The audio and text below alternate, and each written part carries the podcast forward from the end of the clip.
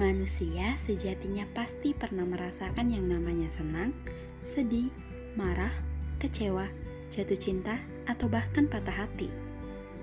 Saat kita berada di fase senang, kita merasa bahwa semesta sangat baik pada kita.